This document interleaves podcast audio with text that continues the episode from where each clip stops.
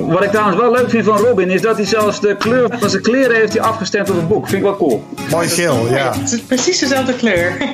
Er was, al, er was al een collega vandaag die dacht dat het oranje was vanwege het voetbal, maar dat doe ik niet aan. Ik was heel erg bang dat ik helemaal kapot zou worden gemaakt door uh, de, de fotografen die natuurlijk op ieder detail gaan zitten van uh, dit klopt niet en uh, dat merk dat bestond nog helemaal niet in 1936. De titel van het boekje is Ai-chan TV.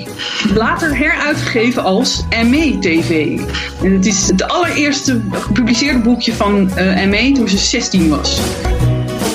Ik heb gewoon een week lang alleen maar de, het zwart vervangen van alle pagina's. Heel saai. Help mij even als leek. Zwart is toch gewoon zwart? Nee, nee, nee. nee, nee. Oh, de drie mensen schudden hier heel hard mee. Welkom bij een nieuwe aflevering van de Stripjournaal podcast. Leuk dat je weer luistert. En um, in deze aflevering gaan we op reis naar de Verenigde Staten, Oklahoma om precies te zijn. De deprimerende jaren 30, de tijd van de Great Depression. En daar kwam in dat gebied dan ook nog eens de Dust Bowl overheen. Enorme stofstormen waardoor duizenden mensen in een desolate zandbak terechtkwamen. En over dat fascinerende en uh, nou, in ieder geval voor mij onbekende stukje geschiedenis is er nu een prachtige graphic novel. Daar gaan we het over hebben in deze podcast. Um, nou, tijd om mijn gasten te introduceren. Deze stripmaker is hier nauwelijks bekend, maar in het buitenland breekt ze door. En Mede Jong. Hallo. Dit is niet mijn tekst overigens, maar dit was gewoon een kop bij de NOS. Maar daar uh, moeten we het zo meteen misschien maar even over hebben. Um, haar bloto's maakte haar wereldberoemd in de wereld van het strippen. Margrethe Heer. Hallo. En deze man is berucht in Groningen. Sepp van der Kade. Ja, klopt ook. Klopt hè? Ja, ja hoor, zeker. Nou, mee, leuk dat je er bent. Ja, nou, leuk dat ik mag komen. Je bent net terug uit Parijs voor de promotie van je nieuwe boek, Dagen van Zand. Um, en dat gaat dus over die Dust Bowl in Amerika. Hoe, um, ja. hoe was dat? Nou ja, ik was bijna niet teruggekomen uit Parijs. Laten we daarmee beginnen. Want uh, het is natuurlijk nog steeds uh, corona. En uh, ik had een, een negatieve PCR-test nodig vanuit Parijs om terug naar Nederland te kunnen. Dus ik had uh, heel netjes op tijd een PCR-test gedaan in Parijs, in een of ander Frans laboratorium. Wat er met handen en voeten natuurlijk ging, uh, de communicatie. Maar ik kreeg dus helemaal geen, uh, geen uitslag of zo. En toen wilde ik bellen en toen was het lab gesloten. dus ik was bijna opgesloten geweest in Frankrijk. Oh jee. maar uiteindelijk, toen heb ik dus allerlei dingen geprobeerd. Uh, online, account gemaakt, uh, Franse websites. En toen uh, kon ik bij die uitslag. Dus toen mocht ik toch nog Nederland binnenkomen. Dus nou ja, dat, dat ten eerste. Ik ben heel blij dat ik nu weer gewoon lekker thuis in mijn werkkamer zit. Want ja, dit had dus bijna niet gekund, deze opname. Oh, en dan zat ik nog te zoeken naar een, naar een, um, een vakantie in Frankrijk of zo binnenkort. Maar dat kan, kan ik misschien dan maar beter even laten. Ja, het, het, het, is allemaal nog niet uh, ideaal. En uh, nou ja, ik, ik, denk als je goed Frans spreekt dat het allemaal wel te doen is. Maar goed, bij mij gaat dat nog niet uh, vanzelf. Dus dat is dan wat moeilijker. Maar goed, maar ik ben, ja, ik ben twee dagen geleden teruggekomen. En begin nu weer een beetje bij te komen van de, de storm. Ja, want je hebt wel heel veel Franse fans voor je neus gehad. Dus in die zin, ja, heb je ook wel je Frans kunnen oefenen, zullen we maar zeggen. Ja, ik moet ook zeggen dat op een gegeven moment lukt het ook wel. Want ik heb natuurlijk Frans gehad op de middelbare school. En ik heb uh, al, wat jaartjes heb ik Franse uitgevers en collega's. Dus ik heb redelijk veel oefening. Uh, maar ik heb nooit een Franse cursus gedaan of zo. Dus ik doe het een beetje vanuit de ervaringen die ik heb. En dat, op zich gaat dat wel tot een bepaald, bepaalde grens. Het, als het echt conversaties worden met ja, moeilijke onderwerpen, zoals PCR-tests of zo, dan, dan haak ik een beetje af. Ja. Maar is het dan niet interessant om een cursus te gaan volgen voor Frans? Ja, nee, absoluut. Ja, maar ja, ik heb daar tot nu toe eigenlijk geen tijd voor gehad. Nee. en nu begin ik het wel te merken, want ik had bijvoorbeeld uh, bij dit boek, dit is ook in Frankrijk dus uitgekomen, mm-hmm. en er zijn een paar hele grote radioprogramma's geweest die een interview met mij wilden, live op de radio. En toen heb ik tegen de uitgever gezegd van ja, sorry, maar dat gaat mij gewoon niet lukken. Ik kan dat gewoon niet goed genoeg. En uh, dat zal de, het boek ook niet veel helpen, zeg maar, als iemand zo stamelend en uh, zo'n interview aflegt. Dus ik heb wel het gevoel dat stel dat ik wel vloeiend Frans sprak, dat ik uh, wel wat extra boeken had verkocht uh, op die manier. Uh, dus ik, ik begin het ook in mijn portemonnee te voelen nu. Dat ik, ja. dat ik je, je tweelingzus geen Frans? Nee, helaas. Het wordt gewoon een investering in de toekomst nu, uh, mee, een cursus Frans. Ja, ja, ja dat, zo voelt het een beetje. Zo van, ja, zo'n cursus dat bij de nonnen in Vught of zo, hoe heet het? Ja, ja dat je dan toch, uh, ben je flink wat geld kwijt, maar misschien betaalt het zich gewoon uh, ook uit. Dus ik ga er serieus over nadenken. Maar ja, dat zou misschien ook de uitgever kunnen investeren, want het is precies wat je zegt. Ze lopen nu inkomsten mis. Ja, ja, klopt. Ja. Maar Seb, jij, ja, hebt toch altijd iemand die goed Frans spreekt? Die is toen een keer meegegaan naar een interview met de tekenaars van Asterix. Ja, klopt. Je kan ook gewoon een talk meenemen. Dat is uh, ook nog een idee. Ja, maar bij een radio-interview niks aan natuurlijk. Nou ja, die, die kan je ook meenemen. Maar waar, waar ik nog benieuwd naar was, is, heb jij ook nog tv-aanbiedingen gehad in Frankrijk? nou, die heb ik niet gehad, maar mijn uitgever wel. En ik denk, omdat zij natuurlijk al weten dat mijn Frans niet zo ja. vloeiend is, dat ze, dat ze daar ook niet mee, uh, hoe zeg je dat, het contact mee opzoeken. Dus, uh, dus ja, ik denk wel dat als ik eenmaal goed Frans zou spreken, dat ze sneller een tv-programma zouden bellen, bijvoorbeeld, of een recensie-exemplaar opsturen, wat ja. ze nu niet gedaan hebben. Ja, dus dat is wees om over na te denken. Ja. Hoe is het ja. om, om zo'n weekend ondergedompeld te zijn in de Franse stripwereld? Ja, dat is wel fantastisch hoor. Dat is wel echt heel erg leuk. Um, ik heb zoveel gesprekken gehad, uh, etentjes, lunches met inspirerende mensen, met uitgevers, tekenaars, een paar scenaristen ook, die, uh, nou ja, voor eventueel nieuwe projecten bijvoorbeeld. En uh, ja, ik kom dan helemaal terug met een hoofd vol ideeën, met een hoofd vol inspiratie. Dus het is absoluut uh, een feest. En ik heb natuurlijk heel veel lezers ontmoet bij de signeersessies. Um, ja, dat is ook fantastisch. En die mensen zijn allemaal zo aardig en zo positief. Het is echt een warm bad. Dus als ik nou ja, ik, ik weet niet. Ik kom nou terug in Nederland, maar ik, ben nog steeds op die high, zeg maar, van al die uh, aardige mensen. En het, het gekke was ook, ik was dan in Parijs en nu is Parijs dus nog steeds redelijk gesloten voor toerisme. Um, dus het was een ontzettend leeg overal. Er waren geen toeristen, geen mensen met rolkoffertjes of uh, wat dan ook. En uh, ja, alle terrassen bijvoorbeeld, het zit gewoon vol met, met echte Fransen. Niet met, met de Japanners en de Chinezen, bij wijze van spreken. En ik vond het zo heerlijk of zo. Ik dacht van, dit is, dit is gewoon een, een klein cadeautje wat, uh, nou ja, dankzij dit boek wat ik, wat ik mag krijgen. Dus ik heb heel erg genoten. Ja, mooi. Hoeveel boeken heb je nou gesigneerd in zo'n periode? Uh, ik denk een stuk of 50 uh, afgelopen weekend. Ja. Ja, wat al best wel veel is, want ik ja. heb uh, nou ja, meestal twee tot drie uur voor een signeersessie. En ik, ik heb best wel uitgebreid gesprekken met mensen. En dan kom je ongeveer tot 25 boeken. Meer dan dat is ook eigenlijk niet te doen, dat is veel te veel. Dus ik zat wel een beetje aan mijn maximum dit weekend. Ja. Sorry, er komt hier tussen een motorbende langs. Ik weet niet of jullie dat hoorden. Ja, ik hoor. Heb jij het weer gevonden, Robin? Ja, ik, ik, moet mijn raam openzetten, anders wordt het veel te warm op die zolderkamer. Dus uh, dat geeft misschien af en toe een beetje geluid van buiten. Er komt ook af en toe een trein langs, er komt een vliegtuig over. De, de, de hele spam oh, komt hier langs. Um, maar, uh, uh, nou ja, we hadden de, ik noemde net even die kop uh, ermee van, van de NOS. deze stripmaker is hier nauwelijks bekend, maar in het buitenland breekt ze door. Dat, dat stond dan bij een video die een nieuwsuur is geweest van jou. Heel leuk trouwens. We hebben je gevolgd voor, voor nieuwsuur, ook afgelopen weekend in Parijs. ga dat zien. Ik zal even een linkje zetten op de site stripjournaal.com. Erg leuk, erg leuk om dat te zien. Um, maar ik zag die kop en ik, ik, nou ja, ik had er in ieder geval een beetje een, een, dubbel gevoel bij. Ik weet niet hoe jij, of jij hem langs hebt zien komen en of jij er een gevoel bij had. Dat je dacht, nou zal wel. Maar... Nou, ik, ja, ik snap eigenlijk wel wat ze bedoelen. Misschien staat het er een beetje gek voor de, de mensen in, die in de stripwereld zitten, want die kennen mij inmiddels wel. Maar uh, ik denk dat als je gewoon de gemiddelde Nederlander vraagt, dat die niet weten wie ik ben. En ik denk dat ze dat bedoelen. Zo ja. van ja, het is een. Natuurlijk hoort dat ook een beetje bij het vak als stripmaker. Dat je niet heel snel een, uh, een bekend gezicht of een bekende naam wordt.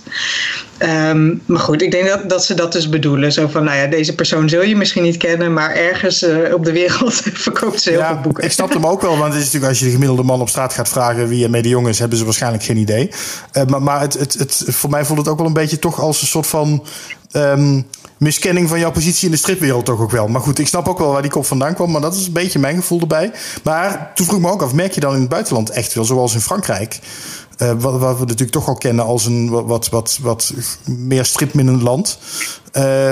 merk je dan dat jouw positie dan ook echt wel anders is? Ja, ja dat merk ik toch wel. Ehm, en dat is nu, met dit nieuwe boek, is dat ontzettend veel meer dan de vorige keer. Ik heb natuurlijk wel een mooi opstapje gehad met het vorige boek, uh, Bloesems in de herfst. Samen dat samen met Cidroux was.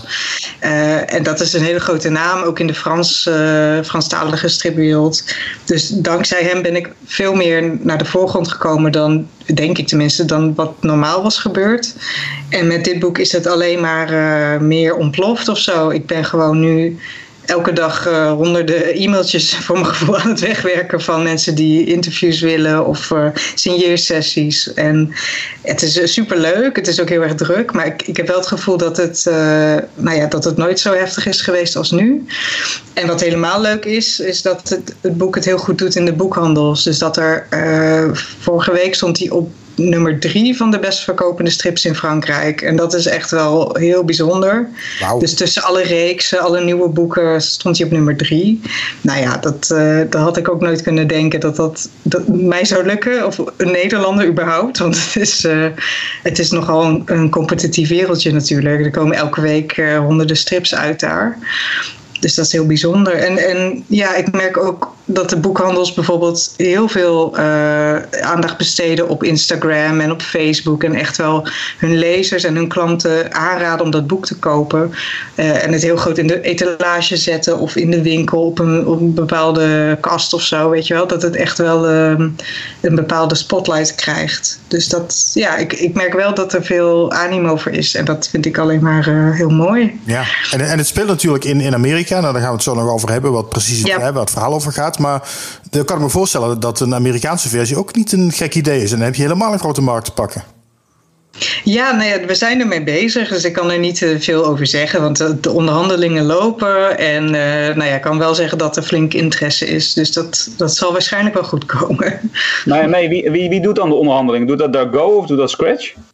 Ja, Dargo is, is aangesloten bij Mediatoon. En Mediatoon dat is een uh, bedrijf in Frankrijk wat eigenlijk alle rechten beheert voor de grote uitgeefhuizen. Dus ook voor de Marsupilami bijvoorbeeld of voor de Smurfen of zo. Dan moet je allemaal naar Mediatoon. En mm zij, uh, zij beheren dus ook de rechten voor dit boek. Wat heel fijn is, want het zijn gewoon professionals die dit als fulltime baan hebben, zeg maar. Dus het is niet een uitgever die de helft van de tijd boeken uitgeeft en dan ook nog wat internationale rechten erbij doet. Mhm. Dit zijn ja, mensen die dag in dag uit internationale rechten beheren en filmrechten en gamerechten en uh, nou ja, alles weten van uh, hoe je dat het best moet doen. En ook een heel groot netwerk hebben natuurlijk door de jaren heen van al die boeken die ze overal hebben uitgegeven, van, van Korea tot uh, Amerika. Ja. dus het is ontzettend fijn. Dus dat, op die manier gaat dat dan. Ja. Waar, ik nog even heel benieuwd naar ben, hè, voordat we de inhoud induiken, dat is even de uitvoering van zo'n boek. Want ik als uitgever kijk natuurlijk ook vooral naar de uitvoering. Het ziet er heel mooi uit, maar ik ben heel erg benieuwd. Uh, heeft de Franse uitvoering en de Zwitserse uitvoering, hebben die de, dezelfde uh, look en feel, hebben dezelfde papier, hebben, en wie bepaalt dat allemaal? Ja, dat is, dat is wel een goede vraag. Nou, we hebben de Franse editie eerst gemaakt. Dus de Franse is in feite de, de originele versie. Um, en die heb ik hier. Ja, ik heb hem nu in mijn hand, dus jullie kunnen hem zien, maar de luisteraar uh, niet. Maar omschrijf hem even, mee, even die open, En dan ja. zie je dus de, dat de, de kaft, dat je die eraf kan halen en dat er nog een kaft achter oh, verscholen zit. Oh, dat is bij de mijne niet, de Nederlandse. Nee, dus hij is nog ietsje chiquer. Dus er zitten eigenlijk twee covers op de Franse editie. En uh, de Nederlandse versie heeft alleen maar een hardcover, dus maar één plaatje. Dus dat ja. is het verschil. En, er zit ook en de rest is allemaal identiek. Uh, de, het binnenwerk is precies hetzelfde. Ook het papier, uh, is de papierkeuze ook hetzelfde? Ja, papier, papier is niet hetzelfde, maar wel ongeveer dezelfde kleur en dezelfde dikte. Daar hebben we wel echt naar gezocht. het papier van de Nederlandse editie is iets lichter, dus dat, dat voelt wat lichter in de hand. Dat vind ik zelf heel prettig. Ja, dat viel mij ook op. Ik dacht, en, toen ik hem zag, dacht ik, best wel een dikke pil, een zwaar boek. En toen pakte ik hem op en toen viel dat eigenlijk hartstikke mee. Ja, dat vind ik dus ook zo fijn eraan. Dat je, ja, je, bijvoorbeeld als je het mee moet nemen, of, of je staat in een stripwinkel en je hebt zo'n stapel boeken onder je arm. En je weegt een beetje af welke moet ik wel of niet meenemen. En je pakt deze op, dan is het niet zo'n zwaar ding. Dan, dan kan die er nog wel even bij. Dat gevoel krijg ik ervan. Dus dat, dat vind ik heel leuk. Ja, en wie, wie dat beslist of wie daarover gaat, dat, dat ben ik eigenlijk zelf samen met de vormgevers van de uitgevers. Van Dargo? Dus, uh, ja, van Dargo en van de Nederlandse versie dan van Scratch scratchbooks. En daar zijn we gewoon heel erg aan het e-mailen over en weer van uh, hoe zullen we dit doen? Welke letters komen erop? Welk lettertype, et cetera. Dus altijd een goed overleg met elkaar. En inhoudelijk, ben jij in dit project inhoudelijk nog heel erg aan het handje genomen? Uh, in jouw track record zou, zou ik denken van niet. Maar ben je aan, nog uh, aan het handje genomen met, door de redactie? Zo van, joh, je moet dit weglaten. Dit is te overvloedig. Of hier moet je nog wat aan toevoegen aan je verhaal? Nee, dat viel wel mee hoor. nou ja, ik ben zelf de strengste redacteur geweest eigenlijk. Dus ik heb zelf heel veel dingen uh, weggehaald en geschrapt en veranderd.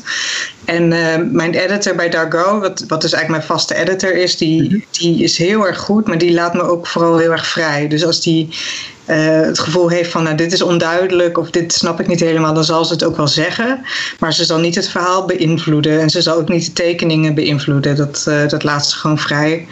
Um, en ze heeft wel een paar dingen, inconsistenties eruit gehaald of ja. dingen die gewoon niet klopten, weet je wel. En dat, dat is natuurlijk super fijn, want op een gegeven moment heb ik het overzicht ook niet meer zo.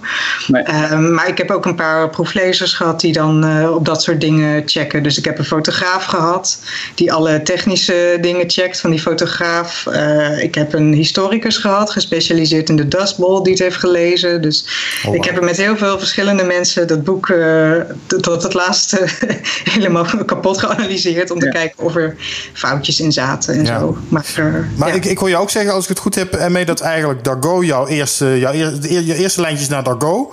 En de Nederlandse uitgever Scratch volgt daar eigenlijk achteraan. Die, die staat misschien iets meer op het tweede plan. Ja, nou ja, wat, wat dus wel grappig is, dat op papier is de Nederlandse versie een vertaling uh, van de Franse. Wat natuurlijk helemaal niet zo is, want ik heb het boek in het Nederlands geschreven. Maar op papier is de Franse editie de, het origineel en de vertaalrechten voor Nederland zijn verkocht aan Scratch. Maar ja, weet je, ik werk altijd met Scratchbooks en wij hebben gewoon een, een direct lijntje. We sturen elkaar alle bestanden en teksten. En, dus het, het voelt niet echt als een vertaling, maar uh, officieel is het dat wel. En, en dat is natuurlijk een beetje gek, want juist het Franse boek, dat is voor mij vertaald door een, een Franse uh, vertaler. Uh, dus het, het, is gewoon heel gek, ook als ik het aan mensen uitleg. Ik zeg, ja, dit, Franse boek is het origineel, maar ik heb het niet zelf geschreven. Dat is gewoon een heel gekke, uh, nou ja, gekke gewaarwording. Maar ja, het is, inmiddels wendt het ook wel hoor, want het is al de tweede keer dat het zo gaat. en die Zwitserse uitgave, is dat gewoon een Franse uitgave? Ja, dat is gewoon de Franse uitgave, maar volgens mij met een ander ISBN-nummer. Oh, oké. Dus, uh, ja. Zullen we het eens gaan hebben over het verhaal zelf? Want we zitten nu al. Uh, dus dat heb ik al gelezen, Robin. Ja, ik oh, ook. Okay. Maar misschien heel veel mensen uh, zitten te luisteren. Sepp, had jij nog een vraag over het papier en uh, druktechnisch interessant? Nou, nee, dat is, dat, ja, ja, dat, je, je hebt het ook al iets verteld, volgens mij bij je Nooit meer slapen in de radio-uitzending. Er is gigantisch veel kleur gebruikt. Tenminste, in ieder geval heel veel inkt, laten we het zo stellen. Die echt bladvullend is. En wat ik merkte aan mijn exemplaar, en dat vertelde jij toen ook bij Nooit meer slapen het radioprogramma. Dat als je het open doet, dan hoor je zo, ja, hoor je zo de kleine van elkaar af. Ja. Lekker, gelukkig zonder beschadigingen. Maar ik heb het ik heb denk ik wel vier keer gehad, omdat het zo, uh, ja, zo vol zit met inkt. Dat het, uh, je, dit is niet droog te krijgen, joh. Nee, maar ik vind het eigenlijk wel iets hebben, want het, het ruikt heel erg sterk. Als je ja. het open doet, is het bijna een soort van extra ervaring, uh, extra leeservaring. Ja. het ruikt heel erg naar inkt en de, de, pagina's plakken een beetje aan elkaar. Maar inderdaad, als je ze lostrekt, is er niks aan de hand. Dus het is uh, eigenlijk heel erg fijn. En ja, de, de, reden dat het een beetje plakt, dat is volgens mij omdat we dat dunnere papier hebben gekozen. Maar uh, verder... is dat dus niet het geval. Nee, die Frans is wat dikker, dus dat is gewoon. Ja. Uh, nou, ja, nou ja, ik had, het, het niet. nou, ik had het inderdaad met Margreet over. Volgens mij zijn dit boeken om te drukken echt een crime voor een drukker. Want je gebruikt ook heel veel donkere kleuren. En zwart drukken, en zeker vol, vol zwart, joh, dat is vragen om problemen. Dus Uh, nou ja, gefeliciteerd. Het is je gelukt. Het is, ja. het is mooi. Het, ziet er nou ja, het wordt een heel technisch verhaal, maar er is een, uh, we hebben met de drukker heel nauw samengewerkt en we hebben een bepaalde kleur zwart gekozen met heel weinig dekking en met, zeg maar, die niet te veel gaat lopen. Ja. Um, en dat was ook weer een apart uh, verhaal hoor, want ik, ik had natuurlijk gewerkt met mijn eigen kleur zwart en ik moest dat allemaal vervangen voor die drukker. Dus ik heb gewoon een week lang alleen maar de, het zwart vervangen van alle pagina's. Heel saai. Um, en dan hopen dat je niet soort van half indommelt en de verkeerde kleur zwart kiest of zo. Uh, dat je een fout maakt, weet je wel. dus nou, dat, is uh, gewoon zwart. dat is een heel lang verhaal. Hel, help mij even als leek. Ja, nu we toch die diepte ingaan. Help mij even als leek. Zwart is toch gewoon zwart? Nee, zwart nee, nee, nee, is nee, Oh, de drie mensen schudden hier heel hard nee. Nee, nee maar, dat, maar, dat, maar dat is juist het leuke. Weet je, dit, uh, inderdaad, het leek zal dit niet zien. Maar als uitgever zie je gelijk van, nou, dit is, een, uh, een, een, het is een, een, best wel een moeilijk boek om te drukken geweest. Maar dat hebben ze dus ook heel vakkundig gedaan. Dus dat ja, vind ik heel erg mooi. Maar dan, heb je, dan heb je, dan, maar dan heb je zwart met net een ander tintje of zo. Wat zeg je? Dan heb je dus zwart met net een ander tintje of zo. Nee, ja, maar nee, het heeft met name te maken met gewoon de, de, de, de hoeveelheid, de intensiteit van de, van de kleur zwart als je heel veel zwart hebt, joh, dat is bijna niet te drukken. Dat gaat smetten. Dat gaat afgeven. Ah. En, dus, en, en, en het kan dus een beetje plakken. Maar nou ja, het, het is net goed gegaan. dus dat is mooi. Okay, mooi om te zien. Oké. Okay. Laten we dan nu even over het verhaal zelf gaan hebben. Uh, de Dust Bowl. Misschien kun je zelf het beste even uitleggen en mee wat het is en waar het over gaat. Uh, ja, de, de Dust Bowl is eigenlijk meer de achtergrond van het verhaal. Maar dat, dat is inderdaad een... Uh, nou ja, een groot deel van het boek. Het, uh, het speelt zich af in de Dust Bowl. En de Dust Bowl is een regio wat verschillende staten in Amerika beslaat. Waaronder Texas en Oklahoma en Kansas.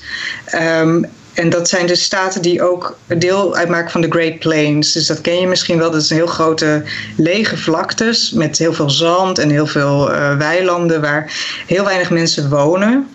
Uh, tegenwoordig ook wel bekend als Trump Country, want er waren heel veel Trump-stemmers. Maar goed, in de jaren. Flyover States noemden ze dat, hè?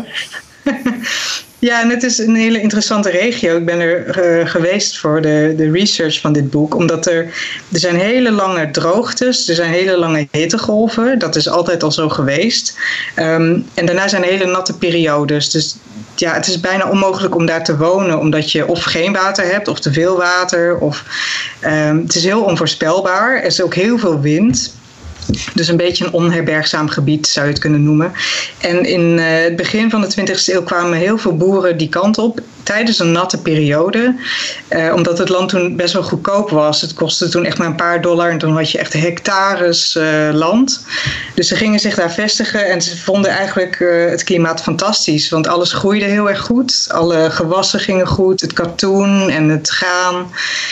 Ja, dat kwam uiteindelijk omdat het een natte periode was. En wat ze niet wisten was dat er in de jaren 30 opeens een hele lange droogte kwam van 10 jaar. Um, en juist omdat zij al die grond hadden verbouwd en daar landbouwgrond van hadden gemaakt, uh, kon dat, het zand, dus eigenlijk de toplaag van het zand, zich niet meer vasthouden en ging het de lucht in bij het minste zuchtje wind, waardoor er enorme stofstormen ontstonden.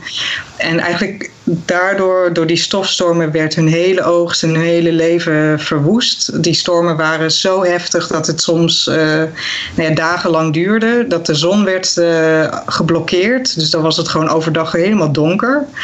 Ja, en dat stof dat kwam in, in alle kieren naar binnen. Dus in de haren van de mensen, in de longen van de kinderen, in de kleren, in het eten. Um, en mensen die, die stikten ook gewoon van het stof dat in de longen zat. Dus het was echt verschrikkelijk. En, uh, en heel veel mensen zijn toen weggetrokken. Dus het ja. zijn eigenlijk klimaatvluchtelingen in die tijd. Um, ja, en, en als je het nou ja, samenvat, dan hebben ze dat zelf gedaan. Dan hebben ze zelf dus die grond gebruikt om uh, hun boerenbedrijven te, te maken. En nou ja, het land heeft zich uh, tegen hun gekeerd. Ja, en, en, en nou is je hoofdpersoon is een fotograaf die eigenlijk dat gaat fotograferen voor een soort, soort persagentschap in New York, die hem erop uitstuurt van nou ga daar maar foto's van maken. Mm -hmm. um, waarom, waarom ben je voor dat perspectief gegaan? Ja, dat, dat was eigenlijk niet het oorspronkelijke perspectief. Ik dacht eerst van, nou, die dasbol, dat interesseert me heel erg. En die stofstormen, dat wil ik heel graag tekenen. Dus misschien moet ik het verhaal vertellen van een boer die daar woont... en die daar voor het eerst met die stormen in aanraking komt. Ehm, maar ja, het is heel lastig om een lezer mee te krijgen in zo'n uh, in zo'n heel ander uh, levensstijl... en een ander gebied. Dus uh, ja, ik liep een beetje vast eigenlijk. Ik wist niet zo goed waar ik heen moest met, uh, met het boek. En toen kwam ik in 2017 per toeval eigenlijk op een tentoonstelling van uh, Walker Evans, wat een hele bekende fotograaf is uit die tijd. En dat was een van de fotografen die ook naar de Dust Bowl werd gestuurd en ook naar andere uh, delen van Amerika om, om foto's te maken van de boeren. En ik zag die foto's van die gezichten van die mensen met die krassen erin en helemaal uh, wanhopig eigenlijk door de droogte en de honger en de armoede. En toen dacht ik, ja, het moet, het, moet gewoon een fotograaf zijn. Want als het een fotograaf is, dan kan de lezer met hem mee en dan kan die de dasbol ontdekken door die camera en door die lens. Um, en het feit dat er gewoon ook daadwerkelijk fotografen waren in die tijd die dat werk hadden, dacht ik, ja, dat is dus dat is ook zo gek niet of zo. Dat, ja, dat gebeurde dus ook echt. En zo kwam ik uh, op die fotograaf terecht. Ja. Had je toen, al, toen je op die fotograaf kwam mee, had je toen wel al een, een contract met Dargo? Uh, ik denk het wel, ja. Ik zit even te graven. Ik denk wel dat ik het net had. Uh, maar het was nog allemaal heel erg vaag. Nog echt wel in de kinderschoenen. En uh, ik, ja, ik wist nog niet echt welke kant het op ging. Maar we hadden het wel al redelijk vastgelegd, ja. Dus, maar hoe, hoe pitch je dat zoiets? Ja, sorry Robin. Maar nee, ik sta waar op deze vraag Er luisteren ook heel veel stripmakers. Zitten we weer bij Dargo? Ja, dus, dus, maar hoe pitch je dan aan bij Dargo? Een idee, terwijl je toen nog niet het idee had van een fotograaf. Dat vind ik toch best wel spannend. Ja, nee, ik had wel het geluk dat ze heel graag een nieuw boek van mij wilden. Dus dat, ze hadden al gezegd na de Bloesems in de herfst dat ze een nieuw boek van mij wilden. Ja. Dus in feite was het contract al getekend toen het vorige boek uh, klaar was. Je, moest, je kon gewoon de titel invullen. Ja, in feite wel. Maar natuurlijk moet je dan nog een paar jaar met elkaar uh, zorgen dat het, dat boek er daadwerkelijk komt. Maar uh, in feite was het al beklonken dat er een boek ging komen. Ja. Maar dat was ook gewoon een geluk uh, wat ik had. Ja, en dan kon jij had je de vrije hand om het onderwerp te bepalen nog en hoe dik en uh, noem het allemaal maar op. Ja, ja precies. En, en in feite is dat nu ook weer gebeurd. Na dit boek had ik, ik had de bestanden ingeleverd ja. bij Dargo. En een week later uh, had ik een Skype-meeting met mijn redacteur. Zo van, uh, nou, heb je nog nieuwe ideeën voor een nieuw boek? dus dat gaat dan ook meteen heel snel. Ze willen dat meteen vastleggen. Dat je, dat je er niet van doorgaat, zeg maar. Dan zeggen ze dan ook gelijk, over drie jaar moet je weer een nieuw hebben? Nee dat, nee, dat niet. Er zit niet echt een. Uh, het is niet voor de langere periode, het is meer gewoon het volgende boek. Ja. Het gaat boek per boek. ik ja, wil zo nog even naar die nieuwe ideeën toe. Maar even terug naar uh, Dagen van Zand. Um, de, de, en die dustbal, wat ik wel fascinerend vond, wat, wat eigenlijk gebeurde bij jouw boek, was wat ik heb bij een, bij een goede historische film, dat ik achteraf ga zoeken, of bij de serie als The Crown, van wat, wat klopt hier nou van? Wat is nou echt? Wat is nou fictie? Heeft dit, hè, überhaupt dat dit echt heeft bestaan en dat eigenlijk niemand er echt van weet? Uh, zeker in Europa niet, denk ik. Maar ik kan me voorstellen dat dit ook in Amerika een beetje een vergeten geschiedenis is. Hoe, hoe, ben jij daar zo op terecht gekomen? Ja, ik ken het ook niet hoor. Ik, uh, ik denk dat dat te maken heeft met dat het is natuurlijk de jaren 30, wat in Europa heel erg overschaduwd wordt door de opkomst van het fascisme en de nazi-partij in Duitsland en vervolgens de Tweede Wereldoorlog. Um, dus het is heel logisch in Europa dat we niet weten wat er buiten Europa gebeurd is in de jaren 30, want er was genoeg aan de hand. Uh, dus ook als ik terugdenk aan mijn geschiedenisles op de middelbare school, dan is er, het is volkomen logisch dat er nergens iemand iets heeft verteld over de Dustbowl. Uh, want er waren andere dingen die belangrijker waren. Um, maar goed, ik, ik kwam erop door een foto, eigenlijk dus een foto uit die tijd, die me ontzettend intrigeerde met een hele grote stofstorm, een zwart-wit foto. Uh, en ik ben gewoon gaan zoeken, een beetje zoals jij Robin, gewoon op internet, gewoon meer foto's zoeken, meer plaatjes, uh, achtergronden. Nou ja, Seb, Seb houdt een foto omhoog, ja dat is hem. Oh, dat is hem ook meteen. Een stofwolk met allemaal kleine huisjes in de voorgrond en die, die worden opgeslokt door de wolk. Ja, voor mij is dat al genoeg om uh, te denken, dit, dit is een boek. Ja, er zitten ook echte foto's in het boek. Hè? Als, als begin van de hoofdstukken zit er een echte foto. En achterin zit er een klein dossiertje met een paar foto's. Ja. ja. Um, Vond je het moeilijk om, om het in beeld te brengen? Want stofstormen, dat is, uh, ja, om dat te tekenen, dat, dat lijkt me nog best wel om dat mooi te tekenen. Goed dat het ook echt overkomt en dat je een beetje de, de apocalyptische beelden ervan krijgt die het eigenlijk moeten zijn. Ja, ja, dat was wel lastig. Nou, vooral omdat al die foto's zwart-wit zijn natuurlijk uit die tijd. Uh, dus, uh, en ook het feit dat mensen als ze eenmaal in zo'n stofstorm staan... dat ze ook geen foto's kunnen maken. Want er is gewoon te weinig licht en te veel stof. En, dus ik had alleen maar foto's van heel ver weg. Um, en ik had wel wat uh, dagboeken gelezen van mensen uit de Dust Bowl die heel goed beschreven hoe die wolken eruit zagen. En daar heb ik eigenlijk het meest aan gehad. Dus dan beschreven ze bijvoorbeeld dat als een wolk uit, uit Kansas kwam, zeg maar uit de richting van Kansas, dat die een bepaalde kleur had. Maar als hij dan uit de richting van Canada kwam, had hij weer een andere kleur. Was hij wat geler of zo, of wat roder. En ze konden dus aan de kleur van de storm ook zien waar die vandaan kwam. en dat vind ik fascinerend. Dan denk ik van ja, dat, dat soort informatie zit dus niet in die zwart-wit foto's. Dat, dat moet ik dus ergens anders uh, vandaan halen. En ook het feit dat er, dat er een soort rollende beweging was, dat vond ik heel intrigerend. Dus dat het bijna als een soort van uh, rollende ballen zeg maar, over het land ging. Ja, dat, dat zie je ook niet in een foto. Maar dat stond wel in die dagboeken. Dus ik heb daar heel veel uh, aan gehad uiteindelijk. En hoe lang ben je in Amerika geweest? ik denk tien dagen. Ja, ja tien dagen, ja. Ja. En hoe heb je dat nou weer gefixt? Want ook dat heb je weer slim geregeld. je, je hebt, hoe het, uh, even kijken, wat was het? Ja, een, een, een reisbeurs toch weten te fixen? Ja, klopt. Ja. Hoe doe je dat? Ja, ja dat was een beetje een gok. Uh, ik, had, ik had sowieso het idee van ik moet naar Amerika, ik moet naar die regio toe. Want ik ga niet beginnen aan een boek zonder daar ooit geweest te zijn in die regio. Dat is, dat is alsof je uh, een Amerikaan een boek laat maken over Nederland. En dan, als hij er niet naartoe gaat, dan tekent hij natuurlijk alleen maar molens en tulpen en, uh, ja, en heel veel water en dijken. Maar dat is natuurlijk niet Nederland. Dus je moet echt, voor mijn gevoel, is er geen andere optie dan naar die plek toe gaan voordat ik uh, de eerste streep op papier uh, zette. En ik wist dat er een reissubsidie was bij het Letterenfonds. En die, het Letterenfonds is eigenlijk voor schrijvers van romans en literatuur, maar ze doen ook af en toe uh, wat voor graphic novels. Ja.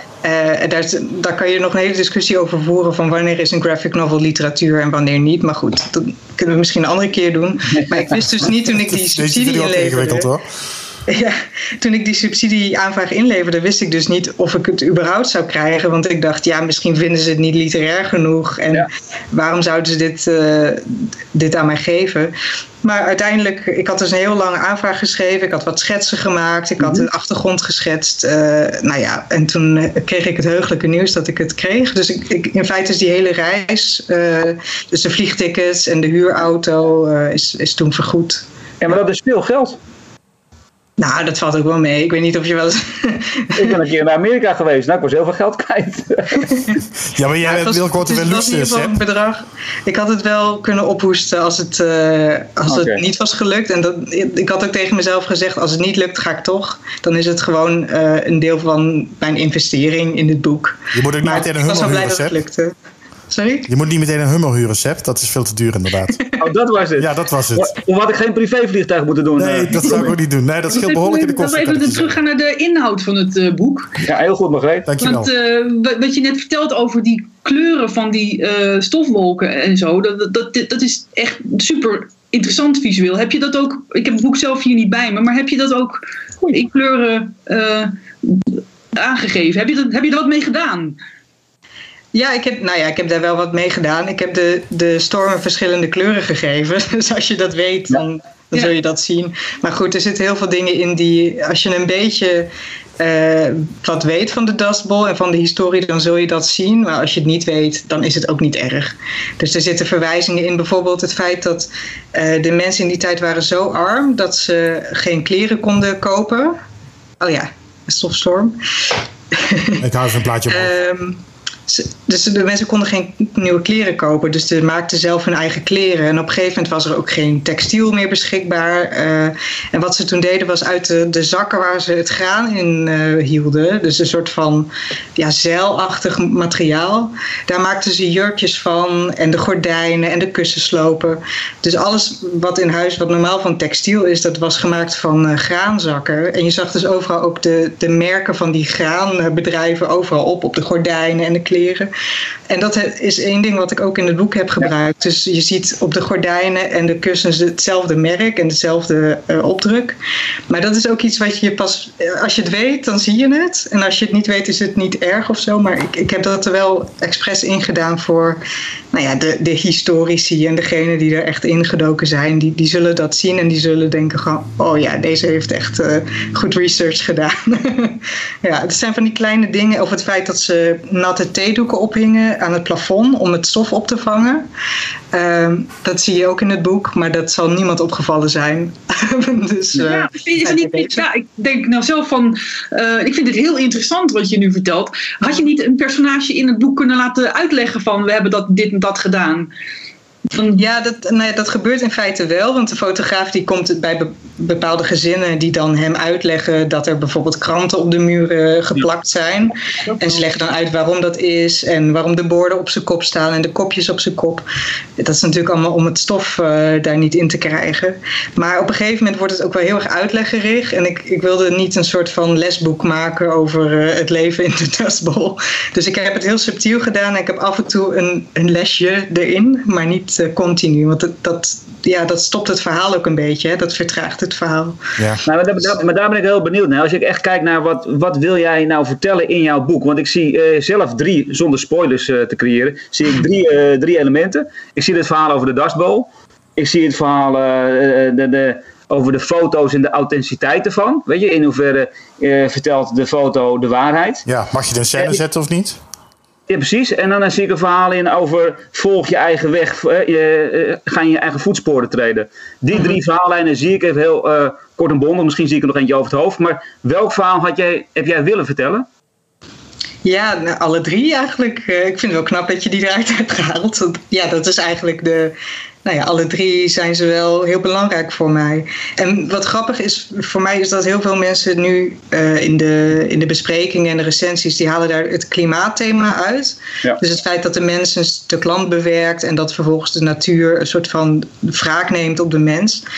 Uh, dat is natuurlijk iets waar we elke dag mee te maken hebben. Hè, naar, als we kijken naar de opwarming uh, van de aarde.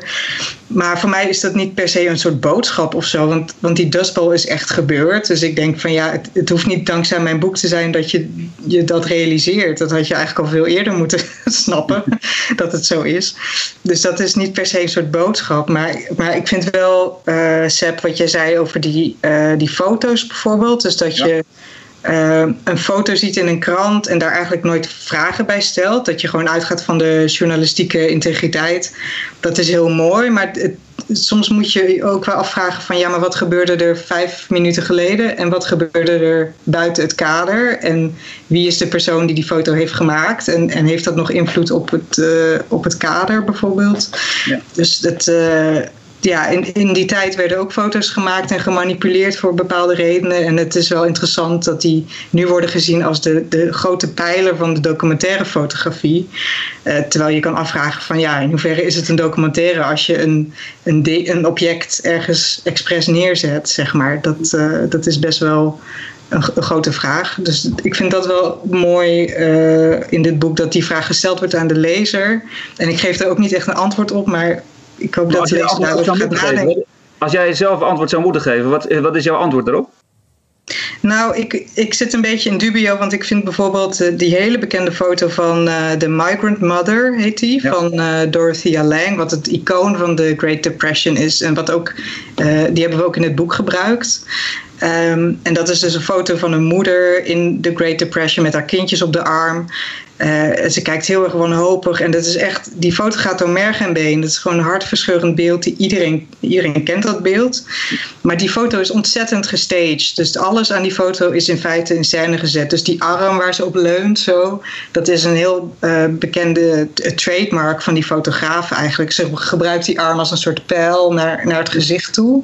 Dus je oog wordt dan geleid naar het gezicht, wat ik heel mooi vind. Maar ja, het was dus niet een een kiekje, zeg maar. Het was niet alsof ze daar langs reed met de auto en op een knop drukte. Ze heeft dat heel erg bewust geregisseerd als een, als een regisseur of een choreograaf. Ja. Dus ja, ik vind het, het, is wel door die, uh, door die regie dat die foto zo mooi is geworden en die impact heeft die het nu heeft. Dus je kan ook zeggen van, nou ja, soms is het geoorloofd om een beetje uh, te manipuleren als het het beeld uh, ja, eeuwig maakt, als het het beeld ja, zo, zo sterk maakt. Maar goed, de grens van tot wanneer kan je dan gaan, dat is natuurlijk heel interessant. Ik moet, ik moet wel zeggen dat het voor mij uh, aan het einde van het boek een, een beetje een, een dubbele leeservaring gaf omdat je bent visueel zo sterk, nog weer sterker dan in je vorige boek. En het is zo mooi, je wordt echt meegezogen in jouw uh, tekeningen.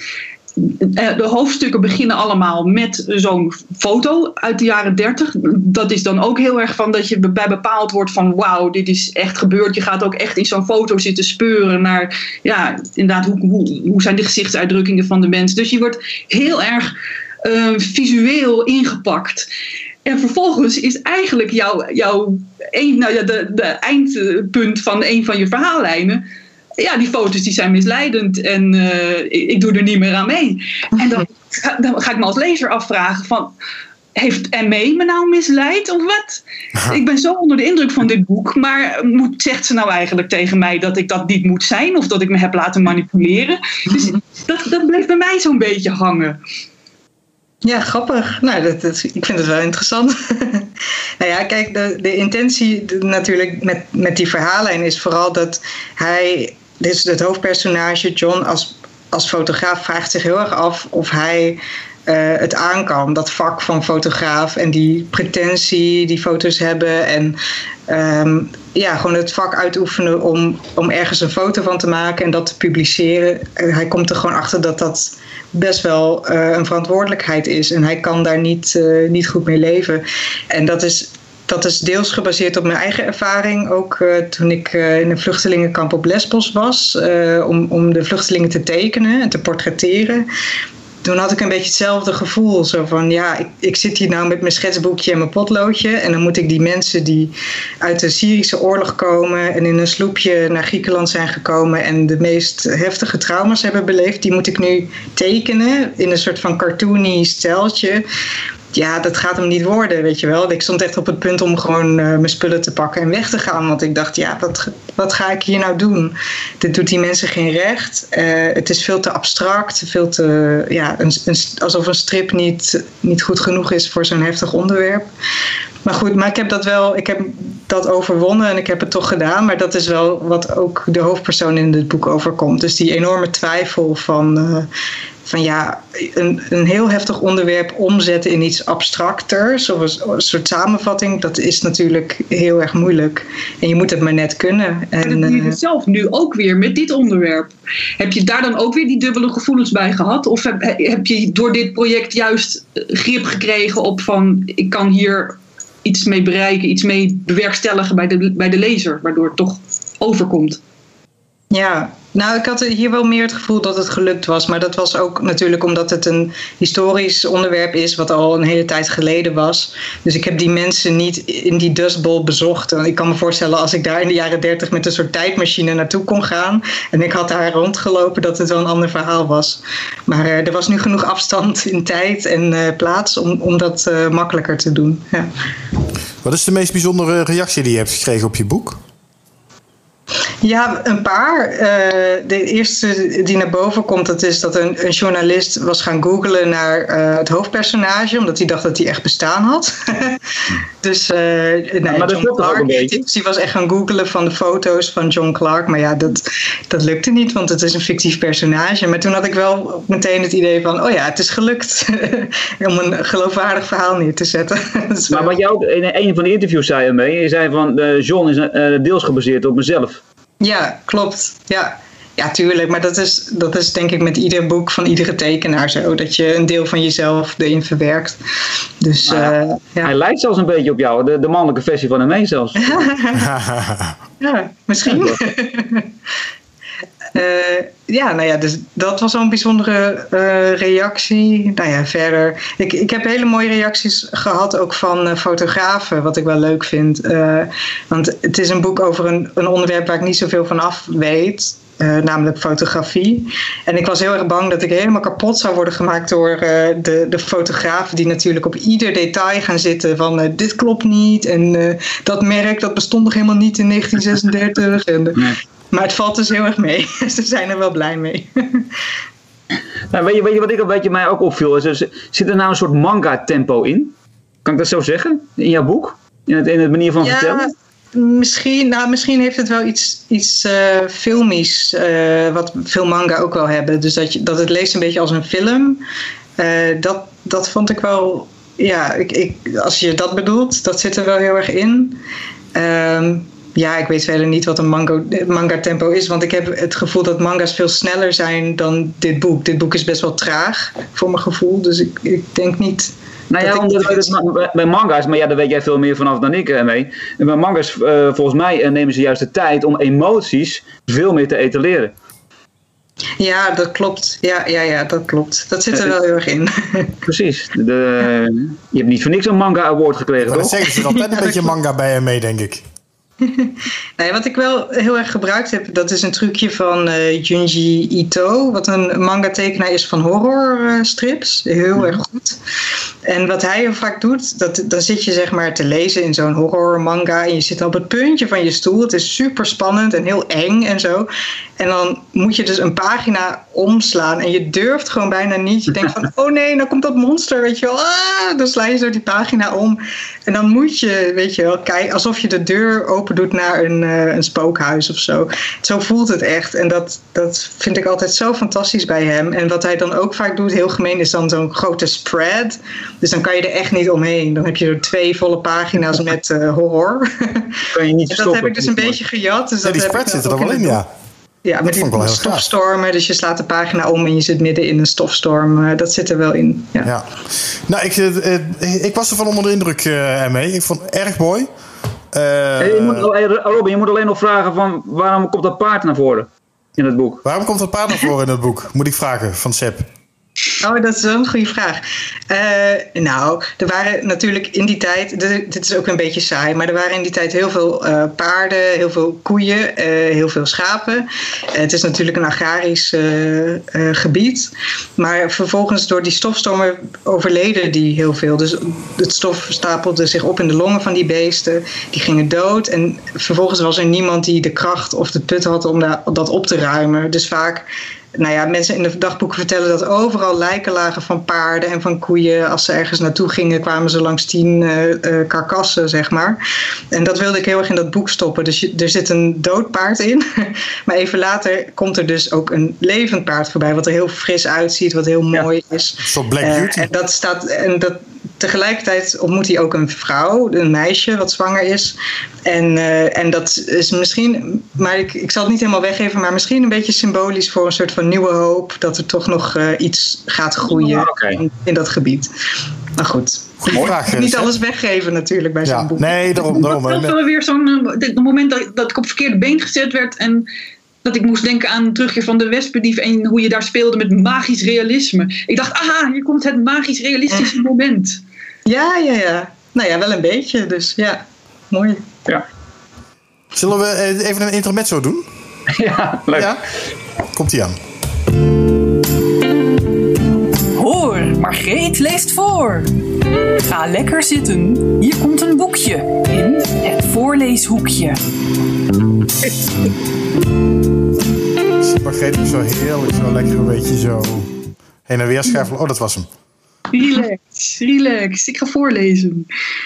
Ik, uh, ik, had, ik, ik, wist tot, tot, tot, tot, een minuut geleden nog niet wat ik precies zou gaan voorlezen. Ik heb twee opties voor dingen van ME. Ik heb de terugkeer van de Wespendief. En daar zou ik dan uh, heel uh, wijs bij opmerken. Van kijk, kijk, de parallellen tussen de hoofdpersoon van de Wespendief en die van Dagen van Zand. allebei mannen die worstelen met, met hun vader en die hetzelfde beroep doen als hun vader. Maar ik denk dat ik iets leukers heb en korters ook. Zal je fijn vinden, Robin? ja, ik begin met te kennen. Ik ga voorlezen uit Emmeder allereerste gepubliceerde boekje. 16 jaar geleden. En dan uh, de, de, intro, de, de, het voorwoord van de ME zelf. Wacht even, Seb zat net door de titel heen te blaren. Hoe heet hij nou? Jij noemde de titel toch van het boekje? Het, de titel van het boekje is Aichan TV. Oké. Later heruitgegeven als ME-TV. En het is uh, uh, het allereerste boekje, gepubliceerde boekje van ME toen ze 16 was. Komt het voorwoord. Okay, maar is, wordt dit net zo'n, zeg maar, als je van mij een allereerste radio-uitzending of zo zou laten horen, dan zou ik zo langzaam wegkruipen onder mijn bureau. Is dat een beetje het gevoel dat jij nu hebt ermee? Dat je denkt, oh jij, pak maar er nu bij. Ja, want ik weet het allemaal niet meer. Dus Helemaal terecht. ja, hier komt hij. Okay. Mijn naam is Emme de Jong, nu 16 jaar oud, geboren in 1988. Ik heb me altijd al met tekenen bezig gehouden, maar pas op mijn dertiende begon ik echt manga te tekenen. In de loop van de jaren heb ik mijn eigen stijl gecreëerd, die gebaseerd is op manga en westerse strips samen. In Aichan TV probeer ik de Nederlandse kijkers wat dichter bij het fenomeen manga te brengen. Een hele klus als er de hele tijd van alles fout gaat. Enjoy! ME juli 2005. En het boekje is een, eigenlijk ja, een soort voorloper van snippers, zou je bijna kunnen zeggen. Het zijn telkens uh, vier hokjes. En dan gaat het over uh, ME die presentatrice wordt van een televisieprogramma waarin zij dus uh, uitlegt wat, wat manga is. En dan gaat inderdaad voortdurend wat, wat fout. Er komen bowlingballen voorbij rollen. Er komen mensen die alleen maar geïnteresseerd zijn in wat is nou hentai.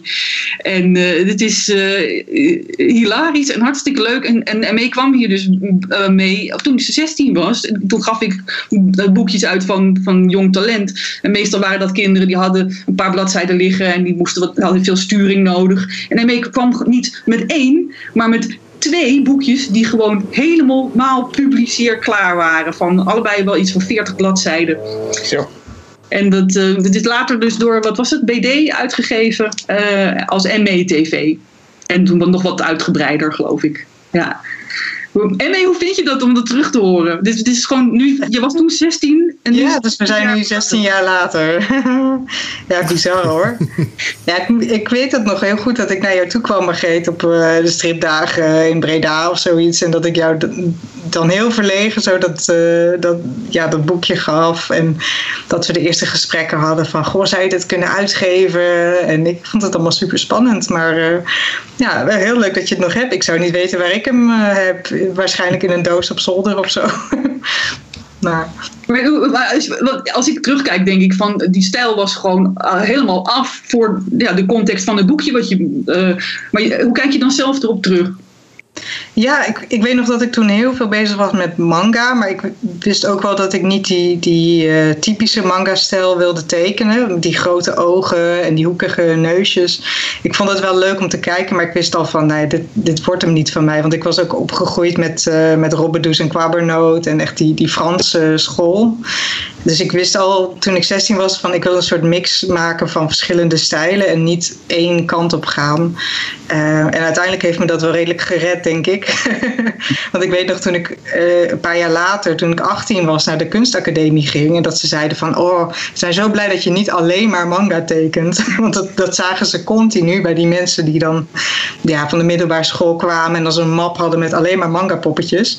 Dus uh, uiteindelijk uh, heeft me dat gered. En ik weet ook dat die boekjes bij Sununi, dus bij Margreet, dat, dat dat ontzettend leerzaam was. Gewoon qua ja, bestanden opsturen, dingen aanleveren, hè, de, de kleurprofielen. Ik heb toen heel veel geleerd ook over gewoon het vak van, van strips maken en uitgeven. Dus het was allemaal heel uh, leerzaam. Ja, want jij, jij begeleidde echt... had je alles gewoon kant en klaar en dan hoef je daar echt niks meer aan te doen. Ja, kijk. Maar want jij begeleidde in die tijd echt heel intensief jong talent, hè, Margreet? En, en, en mee was een van jouw ja, uh, pupillen, zullen we maar zeggen.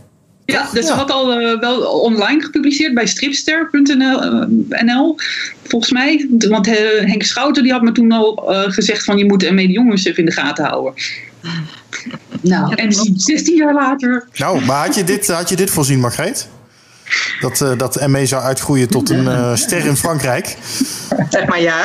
Ja, zeg maar, ja, inderdaad. Dat, dat ME er, ervoor ging, dat was gewoon overduidelijk. Dus was, eh, ja, die, dat, want je, je, het gaat niet alleen om of, of eh, de, de stijl goed is, maar het gaat om hoeveel tijd besteedt een kind aan strips. En ME was alleen maar bezig met strips. En had gewoon dus nou, niet één, maar twee boekjes. Dan weet je gewoon dat iemand de drive heeft. En iemand die de drive heeft, die komt er wel. Leuk. Mag ik eh, eh, een fragmentje daarvan eh, laten zien op de, website stripjournaal.com uit, uit dat boekje? ME? Ja, van mij wel Margreet? hoor, Ja, als je het hebt. ja Margreet heeft het Ja, blijkbaar. ik zet de PDF wel even op. Ja. Oh, je hebt de pdf zelfs nog, heel goed. Als de dag van ME, ja. Nou, dit vond ik een heel verrassend leuk voorleeshoekje, Margreet. Het was inderdaad heel kort, het voorleeshoekje zelf, maar we hebben er lekker over door kunnen praten. Zal ik hem afsluiten?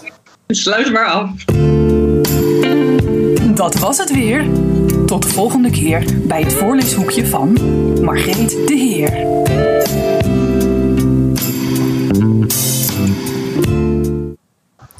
Lekker hoor.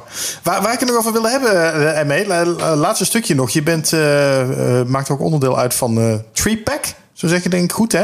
Eh, de- de- de drie schrijvers, die, en daar ben jij er dus één van... die het, eh, het, het, het geschenk van de Boekenweek van jongeren maken. Drie korte verhalen om, om jongeren aan te spreken. Ehm, dat, volgens mij is dat al geweest, die Boekenweek van jongeren? Of komt die er nog aan? Hier had ik me even iets beter moeten voorbereiden. Eh, die komt in september pas. Oh, in dus, eh, september pas. duurt nog even. Zie je, ja, wel langs komen. Maar samen met Splinter Chabot en Khalid Boudou... eh, ja, met z'n drieën zijn jullie de drie auteurs... die, eh, die, die de jongeren weer warm moeten maken voor het boek. Ehm, en ik vind het eigenlijk wel heel mooi dat daar dus ineens een striptekenaar tussen zit. Misschien heeft al het gelobby van Margreet ook een beetje geholpen. Ehm, Ja, wie weet. Maar wat, wat is het, Fries? Hoe ben je hierbij